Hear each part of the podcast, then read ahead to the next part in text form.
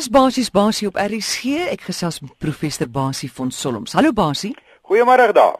Hier's 'n brief van Renée Meiburg. Sy sê sy kry 3 tot 4 e-posse daagliks die afgelope jaar van mense, verskillende persone, geen adresse by nie, met vieslike voorstelle. Sy sê en uh, sy surf nie rond op die internet nie. Sy wil dit blokkeer. Sy kan ook nie sit met Telkom gesels daaroor. Eers het sy gedink daar's 'n virus op haar rekenaar, hmm. maar dit is toe nie 'n virus nie.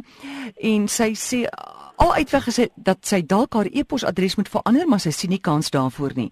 Sy wil weet hoe op die aarde het dit by haar uitgekom? Die die feit is dat jy gaan gemorspos kry. Jou e-posadres lê daar buite rond op verskillende plekke. Jou e-posadres word gekry as webwerwe gekraak word en dit word weer verkoop aan ander mense. So jy moenie verbaas wees as jy gemorspos uh, kry van enige vorm nie. En jy moet ook nie dink dat jy noodwendig uh, 'n slegte of 'n porno webwerf moes gaan besoek het waar hulle jou e-pos sou gekry het. Die twee hou goed hou nie verband nie. Die feit is jou e-pos kan op enige plek opgetel word. Nou sy sê ook dat sy plaas die goed in haar gemorspos leer, maar sy moet dit met die hand doen. Nou daar is filters waarmee jy die goed kan filter en dit outomaties vir jou gee.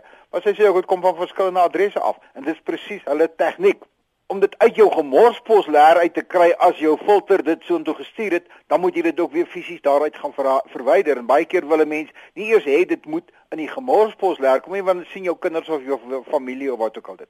Ek kan amper vir jou sê daar is net een oplossing hier en dit is om jou e-posadres te verander. Hoe jy dit hoe moeilik dit ook al gaan gewees, doen dit progressief. Begin stadig oorskakel. Nou sy sê sy het met haar internetdiensverskaffer gepraat. Ek sal op hulle bly hamer want dit is hulle verantwoordelikheid om gemorspos te, te keer. Hulle moet dit kan doen. Dit hulle is jou hek na die internet toe. En daai hek moet sorg dat daar nie rotte deur die hek kom nie. Dis presies wat gebeur. Sy moet hulle bly hamer. Sy kan selfs wel op 'n regsplek aanvat en sê julle stuur vir my e-pos wat ek nie wil hê nie wat julle kan keer.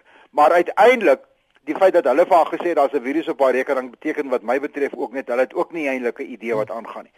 Ek het 'n voeltjie oorvlei dat Sterkinikor gekraak is. Hulle beweer dis een van die grootste indien nie die grootste eh, elektroniese kraking in die steel van data in Suid-Afrika. Hulle beweer daar 6 miljoen van die maatskappy se gebruikers, mense wat in uh, aangesluit het by hulle en wat dan gaan fliek by hulle en wat kaarte het by hulle en al sulke tipe te goed. Die goed uh, is gekraak en die inligting is beskikbaar op die web ek het nog geen reaksie van die maatskappy self gesien nie. Dit is 'n feit en hulle beweer dat hierdie data wat nou beskikbaar is is regtig volledig. Dis jou naam en jou adres en jou jou jou huisadresnommer en jou e-posadres. Daar's byvoorbeeld nog 'n plek waar iemand jou e-posadres kan kry want daai data word nou weer verkoop aan aan 'n klop ander rotte en daai rotte verkoop dit weer aan ander rotte.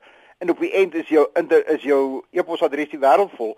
Maar laat ek ook dit net sê ook vir vir die eerste persoon. Moenie reageer nie. Baie mense en, en hulle sê dit vir my, as ek so 'n boodskap kry, so 'n lelike boodskap, dan stuur ek 'n verskriklike slegte boodskap. Ek trap die ou uit. Moet dit nie doen nie. Hoekom? Moenie eers reageer nie, want jy moet onthou hierdie ouens wat hierdie gemorspos uitstuur, stuur miljoene uit. Miljoene en miljoene elke dag. Hulle het nie idee of dit 'n wettige e-posadres is nie. Hulle het hom by iemand gekoop Hulle weet nie eens of daai ou bestaan nie, hulle weet ook of dit 'n dooie plek is nie. Nou die oomblik as jy nou reageer en sê vir hom hoorie kiepie, ek is nie onnoosel nie, ek weet jy's 'n rot, dan sê hy, "Aha, hierdie is 'n lewendige epos. Wees verseker, jy gaan 10 keer meer gekap word want nou weet hy dis nie 'n dooie epos adres wat hy gekoop het nie. So moenie reageer nie. Moenie as jy dit uit jou in in jou in jou gemorspos leer gaan uithaal vir al daai ouens stuur en sê hoorie ek is nie so onnoosel ek weet dis gemorspos jy jy skep net vir jouself 10 keer meer probleme.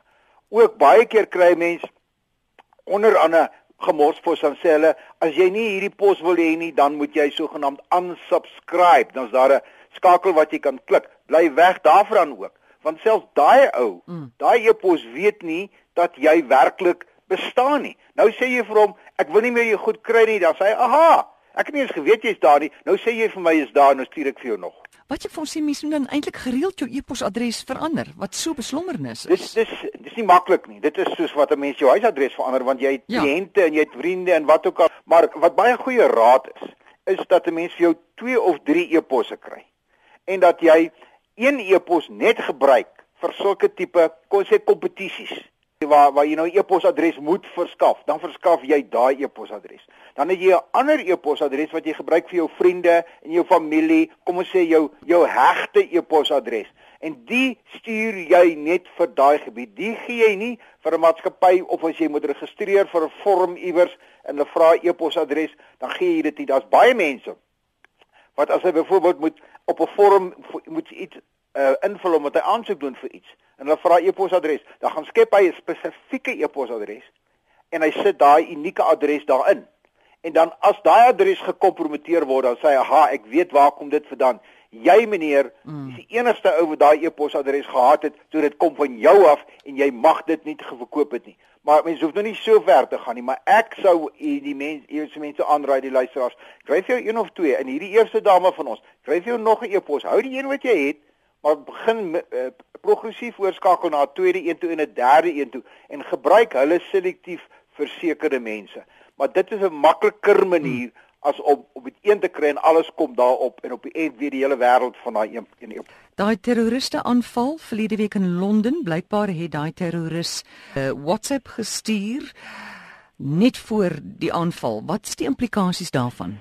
Uh, ek dink dis dis 'n baie ernstige saak hierdie wat wat ek ook opgetel het. Die feit is dat daai WhatsApp boodskap was geënkripteer geweest en ons weet dat almal van ons wat WhatsApp gebruik het in die afgelope jaar of wat kennis gekry dat WhatsApp nou al sy boodskappe enkripteer met 'n baie baie sterk enkripsie algoritme. In ander woorde, as die boodskap onderskep word soos wat die polisie in in, in Engeland dit nou onderskep het, kan hulle nie daarbey uitkom nie want hy's baie sterk geënkripteer. En dis die probleem waarmee hulle nou sit. 'n Jaar of wat gelede was daar die geval gewees van die Boston marathon waar uh, die bom ontplof het en daai ou se e-pos was op a, op 'n Apple gewees en hulle het hoe lank met Apple gesukkel om dit ook gedekripteer te kry. Hierdie hierdie ding is vir my baie belangrik want die punt is baie van ons sê my privaatheid is die hoogste punt. Ek wil alles en tot end geenkripteer hê, al my sosiale netwerke. Niemand mag weer daar niemand buitekant mag dit kry nie. En dan kom die regering en die regering sê ek gaan hierdie wetgewing instel waarmee ek die reg kan hê om jou diensverskaffer te te forceer om vir my doen. Dan gaan almal in hulle ontplof en sê my privaatheid, my privaatheid. Maar dan gebeur daar iets soos die. Dan is baie van daai mense, die eerste mense wat sê, "Maar hoekom het die polisie nie opgetree nie? Hoekom kan die regering nie optree teen hierdie mense nie?"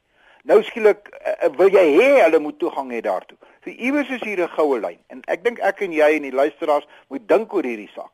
Is jou privaatheid van elke ding moet 100% totaal onbereikbaar wees deur enigiemand anders as die persoon vir wie jy dit wil hê vir jou eie privaatheid?